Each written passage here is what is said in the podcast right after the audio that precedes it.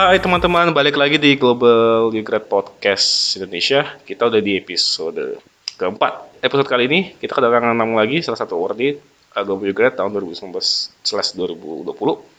Ada Fadil Hida Adiyat. Halo Fadil. Halo. Halo. Halo. Ya, jadi yang sudah saya tadi bilang di awal si Fadil Adiyat ini juga salah satu grand uh, sorry awardee dari program Global You Grad. Mungkin Fadil Adiyat bisa jelasin mengenai dirimu? Uh, Oke. Uh, halo teman-teman pendengar. Nama saya Fadil Adiyat. Saya kuliah di Universitas Hasanuddin. Jurusannya Sastra Indonesia. Dan sekarang dapat award di Missouri State University Spring di kota Springfield, Missouri, uh, Amerika Serikat. Di sini uh, saya major saya itu karena tidak ada sastra Indonesia, jadi saya berada di bawah departemen English, English Department di Missouri State University, tapi focusing major majornya itu creative writing. Itu sih kalau soal profil. Saya tinggal di Makassar. Mhm. Saya berasal dari Kabupaten Sopeng itu 4 jam dari Makassar. Itu sih Hmm. profilnya. Oh, oh, wow, keren banget Kak Fadil. Jadi ini Kak Fadil kan sudah menerima beasiswa Global You Grad, tapi sebelumnya kita pengen balik lagi di paling awal banget tuh. Kak Fadil tahu program Global You Grad itu dari mana dan kapan? Oke, jadi uh, ada cerita menarik dari bagaimana saya kemudian mengenal program ini karena uh, awalnya saya tidak, saya bukan orang yang barangkali seperti yang saya bayangkan akan berkuliah di luar negeri di jenjang di jenjang perjalanan kesas kesarjanaan saya. Waktu itu saya ada teman eh, kebetulan beliau adalah seorang grantee juga tapi be- beda program sama-sama di Amerika Serikat. Nama program itu CCIP. Kemudian kami bertemu eh, di Makassar ketika beliau pulang dan kami sempat ngobrol-ngobrol sedikit dan tiba-tiba dia bilang, "Oh, sepertinya ada eh, sepertinya pemerintah Amerika Serikat itu ada program untuk mahasiswa S1 untuk pertukaran pelajar ke Amerika selama satu semester." Kau dia bilang, "Kau bisa coba daftar dan ini nama programnya." Ya, beliau rekomendasikanlah eh, waktu itu eh, Global Ugrad ini. Eh, akhirnya di situlah awalnya saya buka, saya dap, saya waktu itu datang ke gelar wicaranya waktu itu ke- kebetulan ada sharing-sharing tentang beasiswa Amerika Serikat waktu itu saya saya saya hadir dan akhirnya saya ambil brosur dan mengecek eh, Global Ugrad itu se- se- setelah saya lihat pendaftar apa namanya requirement-nya itu eh, saya pikir tidak cukup. Saya tidak saya tidak mengatakan mudah sih itu tidak terlalu sulit. Akhirnya saya bilang oh ya sepertinya saya bisa coba waktu itu. Akhirnya itulah awal perkenalan saya dengan Global Ugrad. Intinya di, diberitahu oleh seorang teman tentang program ini. Hmm, Oh wow, keren sih Kak. Eh, Oke, kan eh, ada kakak cerita tadi udah tahu programnya dan sudah bertekad nih karena kakak lihat sendiri ternyata requirement-nya itu kayaknya kakak bisa ya capable untuk ngerjainnya. Nah di salah satu persyaratannya itu kan ada esai, ada dua esai tepatnya. Eh, untuk kasus kakak sendiri berdasarkan pengalaman yang kakak jalani, kakak ngisinya gimana? Yang yang esai pertama dan kedua. Oke, jadi seingat seingat saya, esai pertama itu adalah ceritakan tentang eh, ten- ceritakan tentang dirimu, atau lebih kepada kenapa kau bisa, kenapa kau harus diterima di dalam program ini. Dan yang kedua, so eh, ada dua pilihan eh, tentang empati, tentang empati dan satunya tentang kepemimpinan. Akhirnya eh, waktu itu saya lebih berkendala dari saya lebih saya lebih terkendala di essay pertama sih sebenarnya karena saya adalah tipikal orang yang tidak terlalu tahu menceritakan diri saya terhadap orang lain. Akhirnya saya minta bantuan ke teman-teman waktu itu. Saya saya minta beberapa orang untuk ngobrol waktu itu. Eh, saya tanya-tanya, saya bertanya kepada mereka eh, soal diri saya. Dan dari situlah saya mulai me- me- me- apa ya, menampung jawaban-jawaban mereka dan kemudian membuat esai itu. Jadi akhirnya saya menulis esai. Saya menceritakan diri saya secara singkat, saya belajar di mana, apa apa kemudian kesibukan-kesibukan saya dan eh, sederhananya sih esai yang di situ adalah saya lebih saya lebih uh, berusaha untuk menyederhanakan apa yang saya bisa bilang. Saya tidak mau melebih-lebihkan apa yang tidak saya mampu dan saya tidak dan saya tidak mau juga apa namanya menjelaskan hal-hal yang belum saya lakukan. Akhirnya waktu itu saya menjelaskan bahwa saya kuliah di sastra Indonesia Unhas. Saya senang sesekali senang menulis di di media cetak maupun uh, daring atau online. Dan saya juga cerita kalau saya saya, saya sangat tertarik dengan uh, Amerika Serikat, terutama soal perpustakaan-perpustakaan mereka yang menyimpan banyak sekali koleksi yang tidak banyak saya temukan di negara asal saya dan hal seperti itu. Jadi saya di awal itu saya hanya menjelaskan diri saya secara sederhana dan saya menjelaskan kenapa karena pertanyaannya yang lebih penting adalah kenapa saya harus diterima di beasiswa itu. Jadi saya menjelaskan ya saya ingin saya orang yang kurang puas dengan sejarah yang ada di negara saya.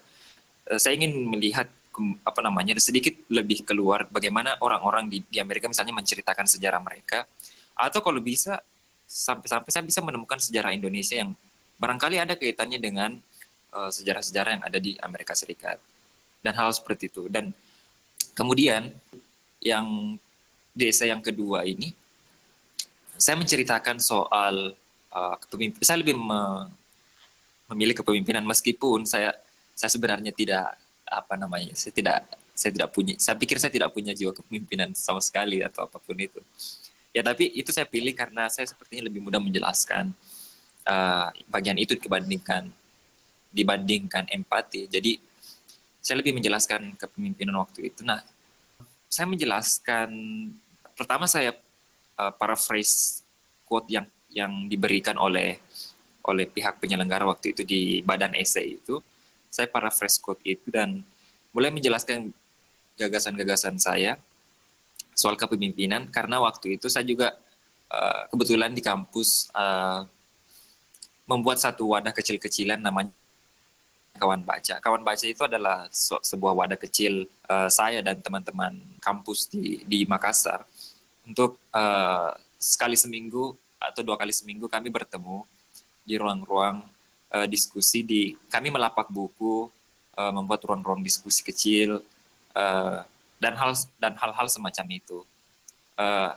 ya waktu itu saya yang karena saya yang menggagas itu jadi saya menganggap uh, hal itu bisa saya tuliskan di esai itu. Jadi akhirnya uh, hal itu saya yang saya tulis. Nah hal yang penting uh, dari uh, dari itu adalah ternyata kepemimpinan itu bukan soal uh, apa namanya ya.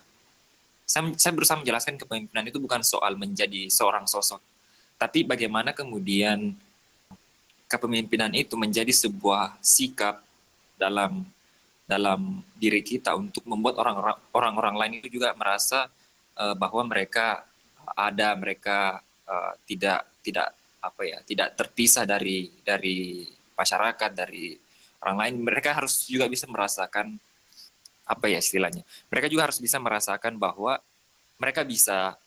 Jadi kepemimpinan bagi saya menurut uh, waktu itu di EC itu saya mengatakan bahwa kepemimpinan itu ketika kau meletakkan dirimu sebagai pendorong bukan sebagai orang yang di depan jangan pernah salah bahwa pemimpin itu uh, adalah orang yang di depan bagi saya pemimpin itu adalah orang yang di depan di tengah maupun di belakang. Jadi mereka akan selalu menjadi pendorong untuk orang-orang di di dekatnya atau orang-orang yang mereka uh, dalam lingkarannya.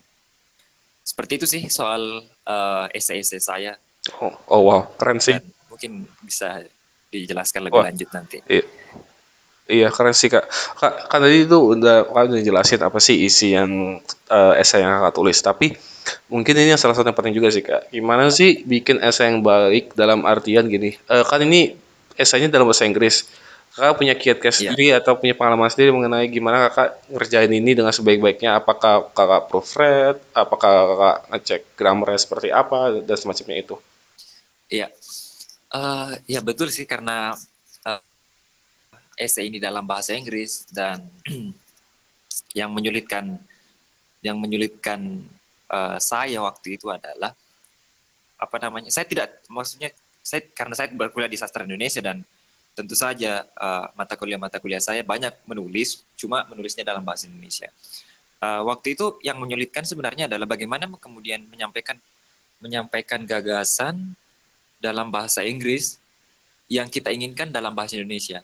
Maksud saya hal ini yang sering kali uh, juga salah sih dalam dalam cara cara orang Indonesia menulis adalah dia menulis uh, Indonesia yang di Inggris kan dia tidak menulis secara bahasa Inggris secara uh, dari fondasinya. Dari dia, dia, dia kita hanya mencoba untuk kadang kita hanya mencoba untuk mentranslate secara asal-asalan uh, apa yang kita ingin katakan kalau orang Indonesia yang baca barangkali mereka akan mengerti apa yang kita maksud tapi masalahnya uh, ini adalah bahasa Inggris yang orang yang orang penutur asing penutur aslinya yang akan membacanya jadi kita harus menulis dalam bentuk seperti itu.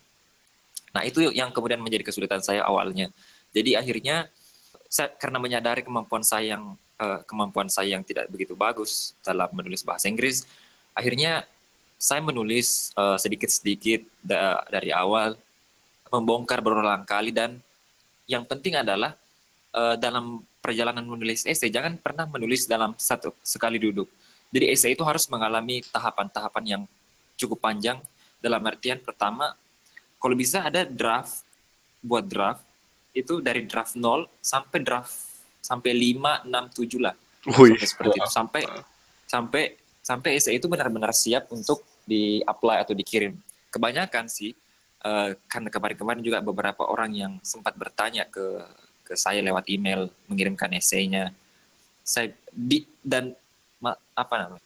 Masalahnya adalah mereka mengirim di akhir-akhir deadline saya saya bilang saya tapi saya tidak katakan ke mereka sih saya cuma berpikir dalam diri saya bagaimana cara mereka ini me, me, menguji esai mereka jika di akhir-akhir deadline mereka baru berusaha untuk menyelesaikan esai-esai ini bagi saya sendiri harus ada draft nol yang draft nol itu yang masih bisa campur misalnya bahasa Inggris dan bahasa Indonesia apa namanya bahasa Indonesia yang di Inggris kan itu hmm. kemudian di draft satu mulai uh, semuanya bahasa Inggris nah yang penting adalah mencari teman diskusi atau orang yang bisa memproofread essay itu, yang bisa membaca dan mengerti uh, isi dan bisa memberi kritikan essay itu. Jadi saya hampir-hampir menghubungi beberapa, hampir-hampir menghubungi teman-teman yang saya pikir eligible untuk memeriksa essay itu.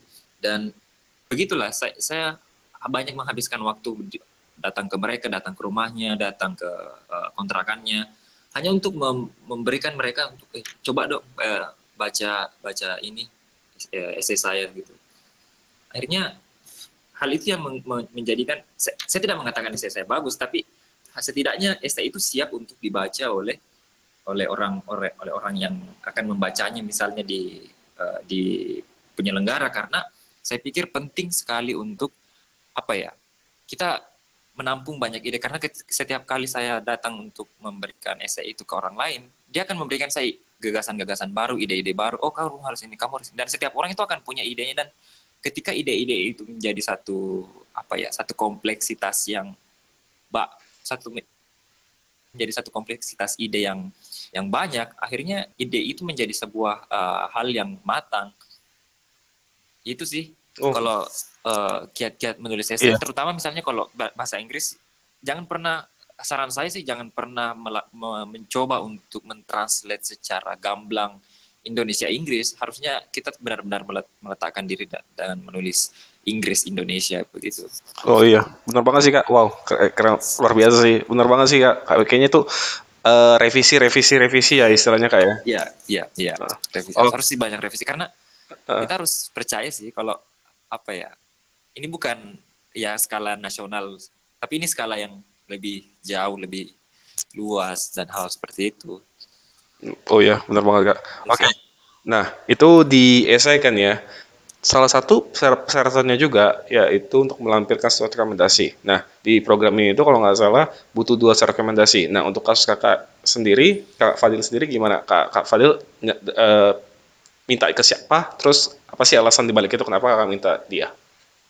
Oke, kemarin kebetulan itu surat rekomendasi itu saya minta di dua orang di pertama di ketua jurusan, yang satunya di teman nongkrong. Tapi beliau ini uh, seorang penulis. Uh, jadi apa ya? Jadi karena requirement dari War Learning pihak penye ya penyelenggara ya, dari War Learning itu bisa uh, ada satu akademik uh, apa nih surat rekomendasi yang apa nah katakanlah misalnya akademik yeah. satunya yang lebih yang non formal lah yang kayak yes. coach atau orang yes, benar. Nah saya minta kedua dari dua, dua orang itu. Nah yang pertama dari ketua jurusan karena kebetulan uh, kami saya dan ketua jurusan saya itu dan dengan saya dengan beliau cukup dekat. Uh, jadi saya tidak punya saya, saya maksudnya saya tidak terlalu sulit untuk dapat uh, surat rekomendasi itu uh, dari beliau. Uh, dan saya pikir hal itu juga cukup membantu karena beliau misalnya adalah ketua departemen saya di di Makassar. Jadi akhirnya itu saya pikir membantu sekali dalam dalam apa ya yang namanya dokumen dokumen penting seperti itu sepertinya nama beliau itu bagus karena dia dia tertulis di situ head of Indonesian Department Literature in in, in Hasanuddin University. Jadi terus yang kedua saya minta di dari teman uh, tapi dia lebih tentu saja lebih tua dari saya. Beliau seorang penulis beliau yang kasih uh, beliau yang memberikan rekomendasi uh, karena kebetulan beliau juga sudah pernah ke Amerika Serikat sudah pernah ke beberapa negara jadi akhirnya surat rekomendasi itu juga namanya ditulis dengan bagus ketika ketika itu kalau kiat-kiat untuk membuat surat rekomendasi sih bagi saya menurut menurut saya cari orang yang benar-benar uh, mengenal mengenalmu. Jadi jangan jangan buat jangan jangan buat surat rekomendasi dari orang yang uh, hanya mengenalmu misalnya sebatas apa ya dalam dalam dalam tanda kutip uh, sebatas teman biasa atau sebatas orang yang berkenalan uh, tapi tidak akrab.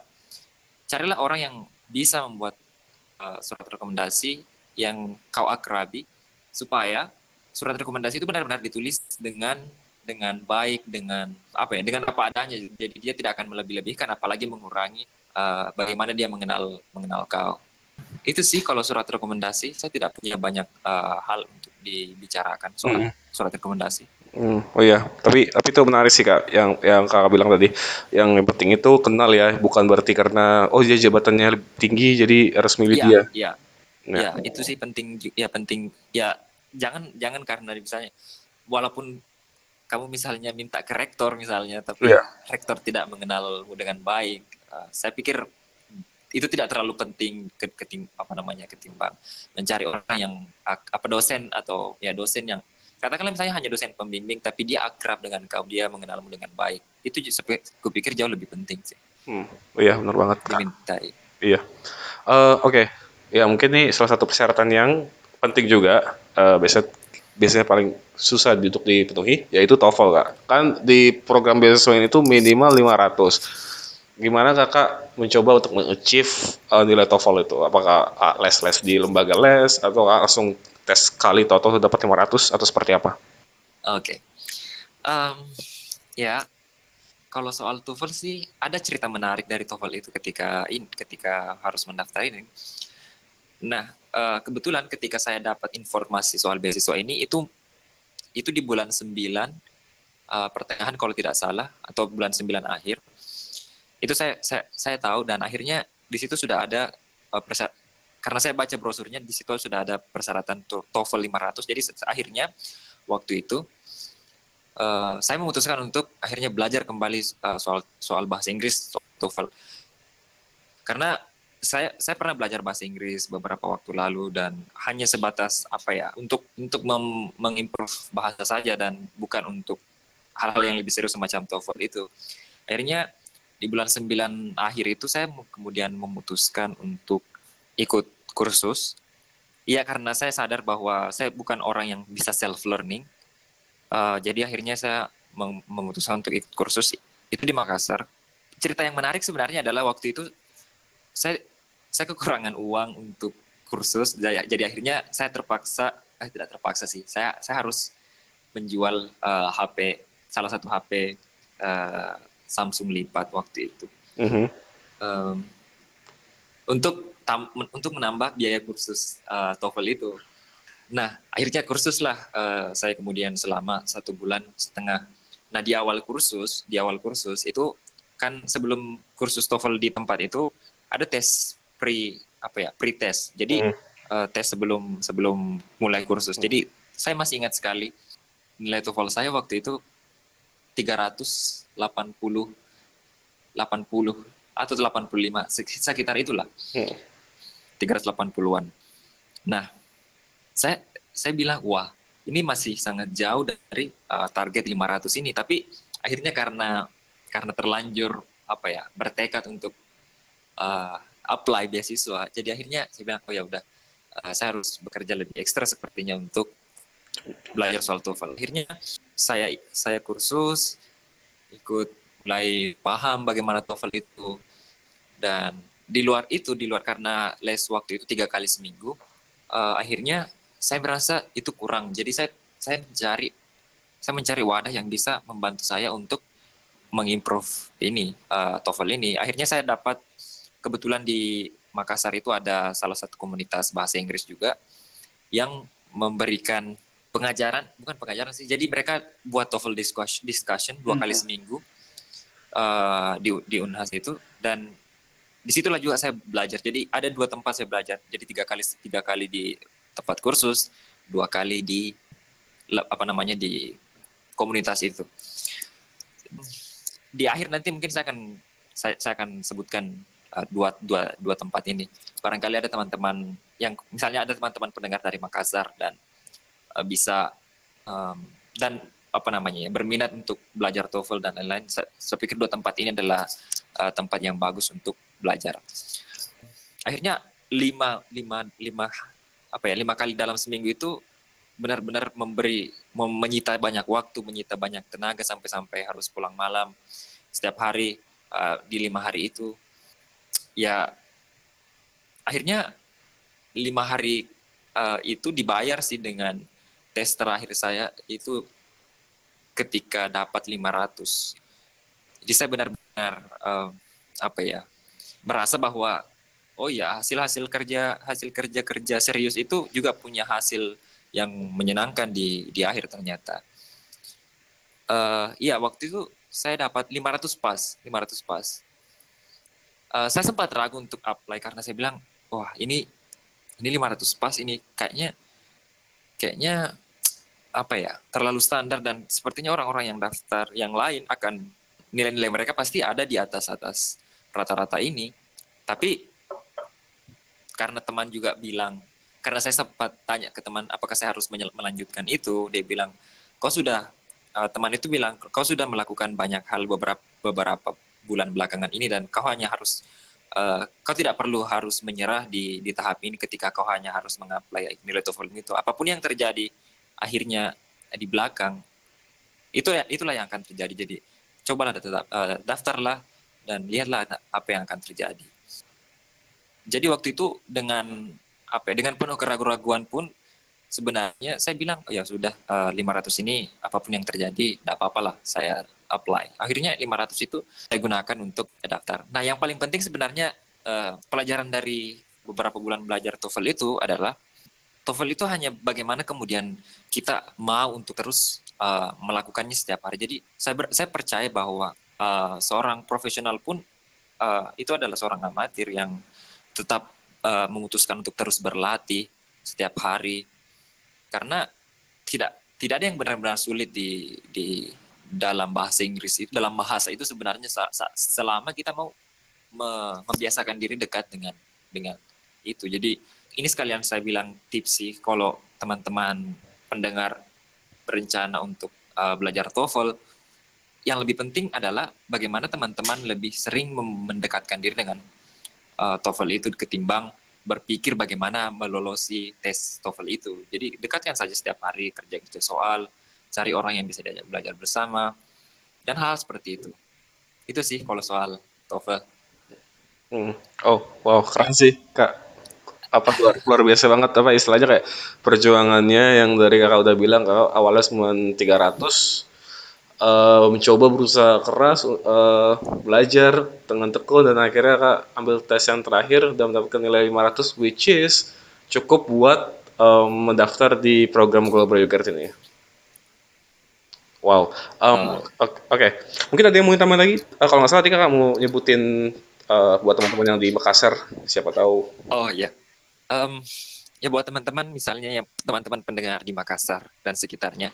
Jadi dua tempat ini adalah tempat saya belajar TOEFL ketika itu dan saya sangat eh, tidak sangat sih saya merekomendasikan teman-teman. Yang pertama uh, saya kursus di Master TOEFL namanya itu kursus uh, yang ada di Jalan Politeknik di Makassar dan yang kedua oh silahkan uh, cek IG-nya namanya sama Master TOEFL kemudian yang kedua Hasanuddin English Community uh, atau bisa disingkat HACK ini juga tempat saya belajar banyak. Dia pertemuannya Rabu Jumat di Gedung Iptex uh, Unhas. Itu silahkan juga cek IG-nya Hasanuddin Hack Makassar.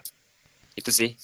Oh, oh wow, keren. Iya itu buat uh, teman-teman dengar yang di Makassar, uh, save it, check it their uh, social media. Mungkin uh, siapa tahu mungkin gak harus mau mencoba ikuti program ini, tapi program-program yang lainnya.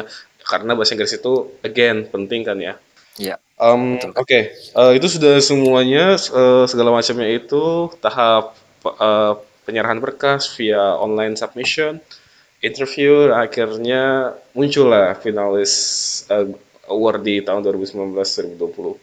Uh, Kak Fadil tadi udah jelasin Kak Fadil ditempatin di universitas Missouri State University. Missouri State University. Jadi uh, jadi kita sekarang di uh, segmen share uh, pengalaman kakak sekolah di luar negeri, tepatnya di Amerika Serikat. Gimana sih bedanya? Apa sih yang kentara yang bisa yang kalian sendiri uh, bisa jadi culture shock or whatever that is uh, dibandingin dengan uh, University of Hasanuddin. Oke, okay. Um, oke. Okay. Ketika ya jadi ini karena mungkin uh, segmen yang lebih santai.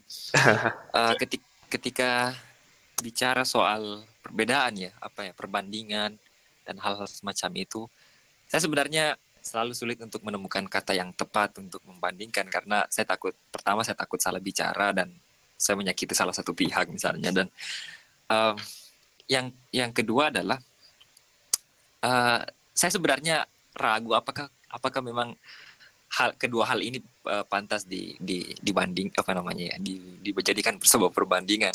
Karena hal yang paling fundamental misalnya kayak um, semacam maaf ya saya harus mengatakannya tapi semacam copy paste. Di sini plagiarisme adalah sebuah hal yang sangat adalah satu tindakan kriminal dan mohon maaf di di negara saya berasal atau di, di universitas saya berasal hal hal ya ya salah sih. Uh, saya pikir copy paste juga adalah hal yang salah. Cuma cara cara kita untuk um, mengantisipasi itu cara kita untuk mengurangi jumlah itu masih sangat-sangat kurang dibandingkan orang di sini. Plagiarisme memang mem, plagiarisme memang menjadi sebuah hal yang sangat-sangat dihindari oleh semua orang, bukan cuma mahasiswa uh, dan tenaga tenaga pengajar, semua hampir semua orang. Jadi saya ingat sekali kemarin di sini sempat ada ada teman kelas uh, dia dari saya tidak akan menyebutkan namanya dia dari salah satu negara di Asia juga Asia Asia Tenggara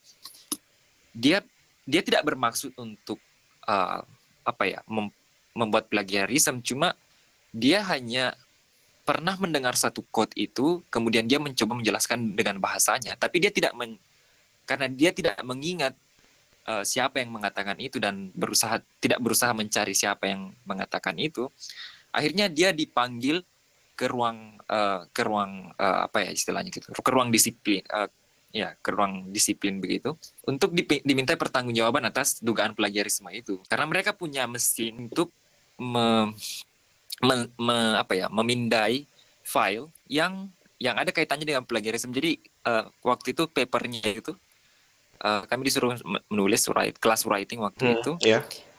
papernya kedapat padahal itu cuma itu cuma satu uh hmm. -huh. satu itu dan dia harus berurusan dengan administrasi uh, administrasi kampus. waktu itu hmm. administrasi kampus waktu itu jadi saya bilang di situ saya sadar bahwa mereka benar-benar apa ya mereka benar-benar hal-hal yang sangat fundamental seperti itu dalam dunia akademik hmm. itu mereka sangat pay attention buat uh, plagiarism Hmm.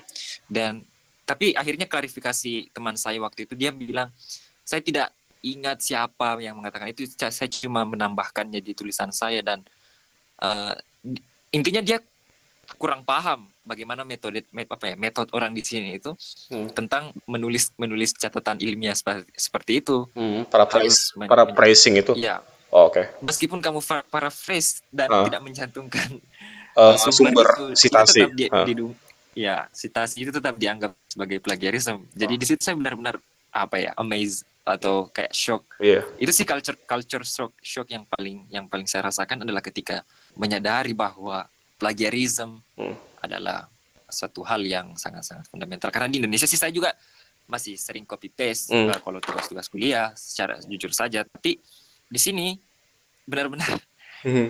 saya tidak akan pernah melakukan itu dan tidak pernah berani tidak akan pernah berani melakukan itu Iya. Heeh.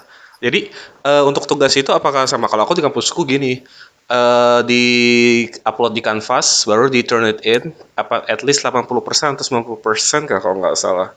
iya Ya, sama, Sama, kurang lebih sih. Sama kalau tempatku juga eh, di kampusku zero tolerance juga. Kita kalau nggak salah iya auto kalau nggak salah kalau tempatku ya nggak boleh ngeri redo-nya nggak boleh redo tugas itu malah langsung auto fail gitu. Nggak kelasnya sih, tapi Wow. tugas itu Wow. auto fail. wow Ya. wow kemarin sih masih temanku itu masih ditoleran karena Oh bisa redo ya? masih kan iya iya Hmm. karena katanya alasannya masih masuk akal karena kemarin kan eh, waktu itu kami saya kan masih di apa namanya di English Language Institute tapi eh, belum belum di kelas yang ini yang di kampus itu tapi kalau kayak di kampus Iya, iya. kelas itu kayaknya udah udah udah Benar. zero zero Iya. tolerance bener-bener kayaknya tapi kemarin kan masih kami dalam tahap belajar untuk Iya, itu iya. jadi akhirnya dia masih Ah, dapat toleransi ya.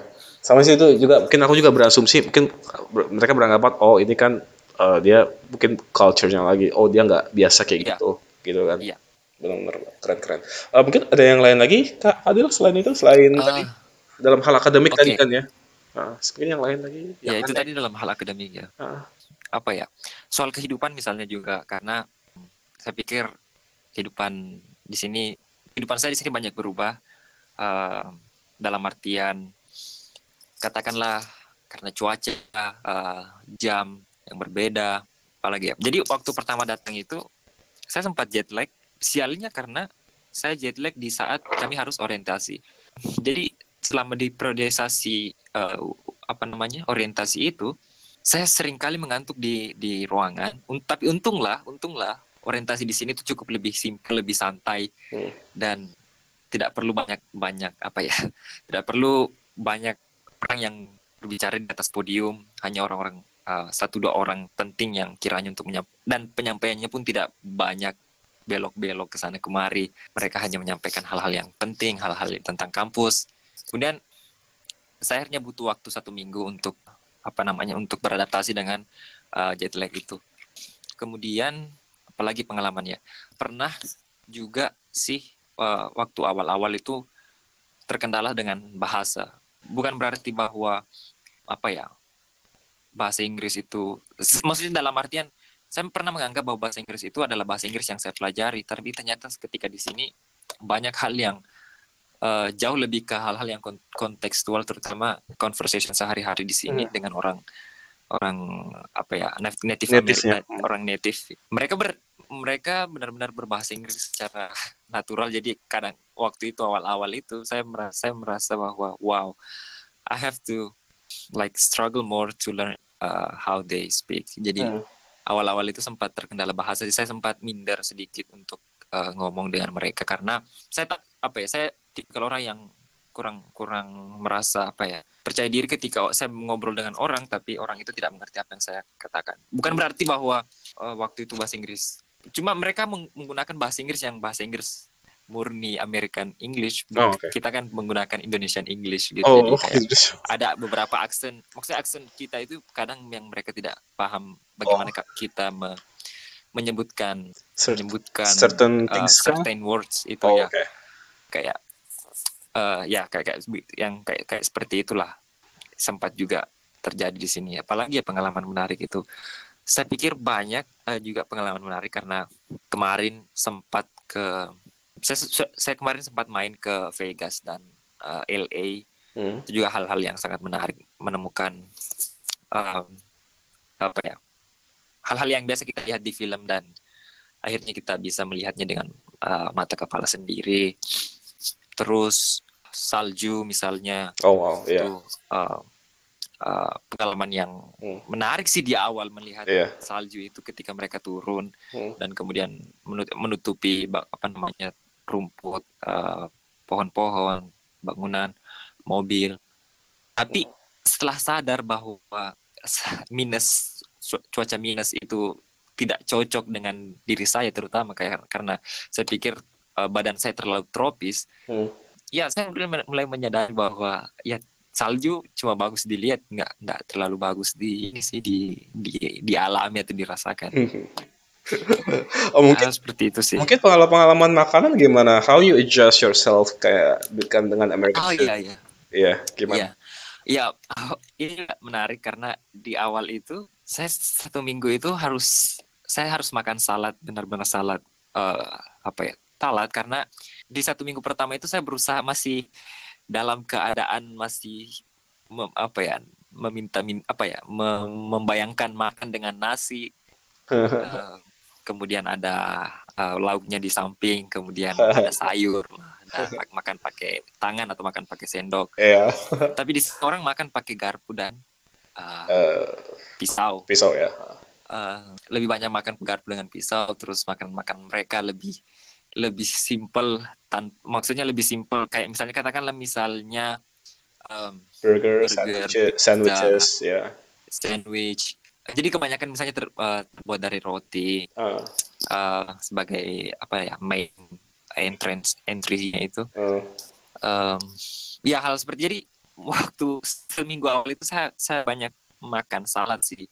Setelah dua minggu selanjutnya saya kemudian memutuskan untuk mengubah akhirnya mengubah apa ya mengubah i, apa ya imajinasi saya untuk tidak lagi membayangkan nasi dan dan lauk seperti itu. Akhirnya saya berusaha untuk mel- melihat Amerika sebagai Amerika membiasakan diri. Dan akhirnya sekarang saya ragu akan akan masih apa ya ketika misalnya pulang saya pasti harus beradaptasi ulang untuk makan nasi dan lain-lain sebagainya. Karena terlanjur apa ya istilahnya terlanjur nyaman terlanjur Iya. terbiasa untuk makan sandwich pizza dan lain-lain.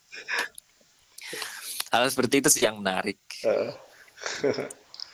Oh, oh, wow, wow, keren banget sih kak. Bet- eh, benar-benar kayak eh, pengalaman yang kak share di podcast ini. Em, tapi say- sayang banget loh ini kak. Eh, kita sudah di end of the show, the end of podcast. Sudah kurang lebih kayak lebih dari 40 menit kita berbincang. Tapi mungkin untuk terakhir kak punya apa ya istilahnya saran terakhir buat teman-teman para pendengar podcast ini. Siapa siapa tahu ada yang mau mendaftar Global Grab. Oke, Eh, oke untuk semua pendengar eh, tanpa bermaksud menceramahi atau merasa lebih pintar dan hal lain sebagainya, saya berharap bahwa akan banyak sekali eh, dari kita yang eh, punya kesempatan untuk eh, study abroad, eh, untuk melihat. Saya, saya, saya, saya tidak bilang, saya tidak menekankan bahwa harus Amerika ya. Study abroad dalam artian banyak eh, ada banyak sekali negara yang saya pikir menyimpan cara-cara mereka dalam menge apa ya mendevelop pendidikan mereka. Dan saya pikir memang study abroad cukup penting untuk pelajar-pelajar Indonesia supaya kita punya perspektif yang lebih luas lagi.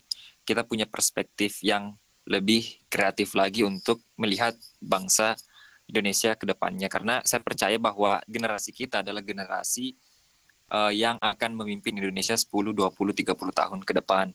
Dan penting sekali untuk punya uh, perspektif yang lebih uh, luas, terutama dalam menghadapi globalisasi, arus globalisasi yang akan sangat besar, uh, yang akan sangat besar di dekade ini.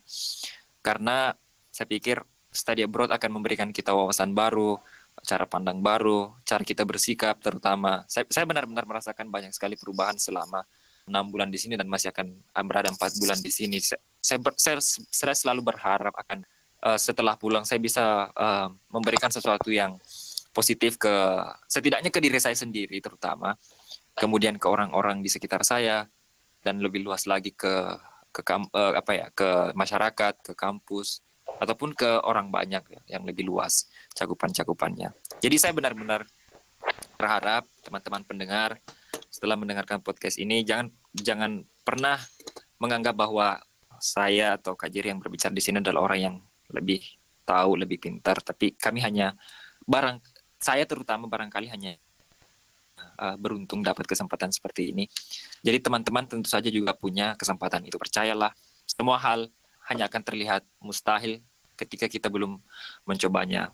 Saya selalu ingat perkataan dari kakek saya adalah uh, beliau mengatakan uh, dunia ini sebenarnya adalah fairy tale. Uh, fairy tale itu apa sih bahasa Indonesia?